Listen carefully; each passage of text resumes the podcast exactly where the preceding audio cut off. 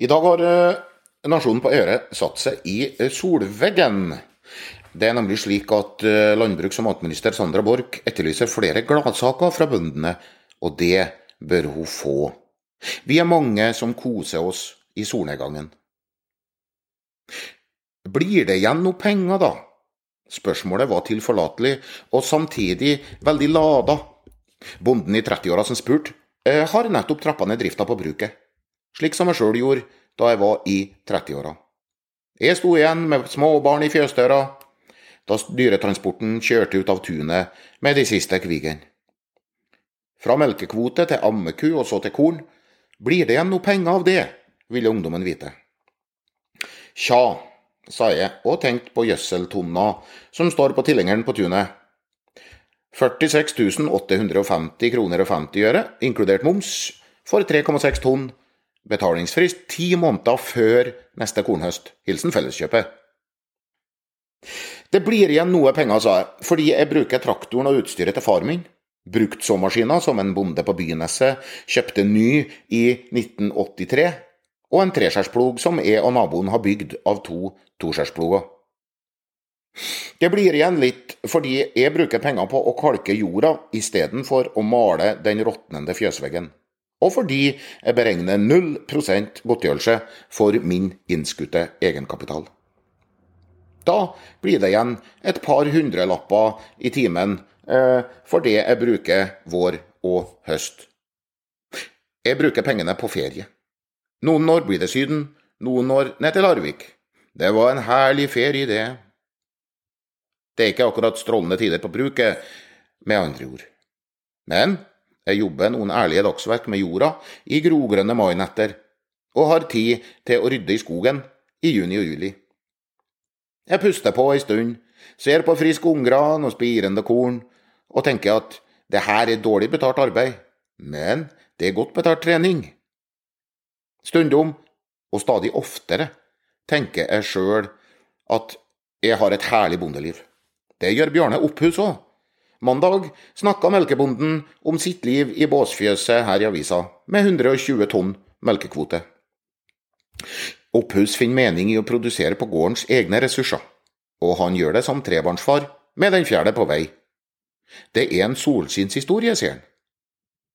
Etter 2034 blir fjøset til Opphus ulovlig å bruke til melkekyr. Da skal han slutte med melk og starte med ammeku. Slik slipper han å investere i nytt fjøs, slik trapper en ned. Slik slipper en å ødelegge gårdsøkonomien. Landbruksministeren mener at Facebook-kommentariatet beskylder hun for ikke å forstå ståa i næringa. Jeg tror Sandra Borch forstår ståa veldig godt, bondefødt som hun er. Og ståa er at kapital er blitt en veldig mye viktigere og dyrere innsatsfaktor på norske gårdsbruk.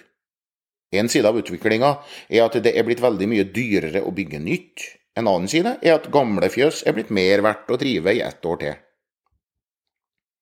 Horna på veggen advarer mot å synliggjøre bondens kapital. For om bønder skal tjene på arbeid i nybygd fjøs samtidig som kapitalen forrentes, så vil det true det selveiende landbruket. For da blir jo landbruk en næring som alle andre, og alle andre kan bli frista til å satse der. Da får vi en utvikling der de som arbeider på gårdsbrukene ikke lenger eier dem, skriver Jan Herstad på debattplass her i avisa. Reality check. Der er vi allerede. Mer enn halvparten av norsk innmark drives av leilendinger. Herstad spør politikerne vil vel ikke øke overføringene til jordbruket bare fordi arbeids- og kapitalinntekten skilles og beregnes? Nei, men hva om det ikke er politikerne som trenger dette skillet? Hva om det er potensielle bønder som teller på knappene om de skal investere millioner i matproduksjon, og trenger å få vite hvor lav avkastning de kan regne med på det? Sandra Borch har ikke tilgjengelige budsjettmidler til å gi bonden grei avkastning på både kapital og arbeid, iallfall ikke raskt nok. Da er det kjærkomment med 20-åringer som er villig til å investere stort i matproduksjon uten løpende arbeidsavkastning. Som må ta lønna ekstraarbeid for å overleve. Slike bønder er gull verdt for matindustrien, som trenger løpende produksjon av råvarer fram til neste tertialregnskap, og for politikerne, som trenger løpende suksesshistorier fram til neste valg. Og det er gull verdt for bondeideologer, som mener jordbruket skal forbli en spesiell næring, dårlig betalt og under gjengroing, eid av mange og drevet av stadig færre. Stadig større investeringstilskudd for å lokke unge bønder inn i stadig dårligere driftsøkonomi. I avisa Alltinget etterlyser landbruksministeren flere solskinnshistorier fra norsk landbruk. Jeg er helt enig. Det går godt an å leve godt i norsk landbruk i dag. Både Bjarne Opphus og jeg. Vi lever det gode bondeliv på landet, vestvendt, med utsikt til solnedgangen. Ikke fordi vi liker redusert sjølforsyning og gjengroing, men fordi vi har tenkt den frigjørende tanken som lar oss avviklingsbønder puste like fritt på trappa en sensommerkveld som våre forfedre gjorde da de bygde opp gården.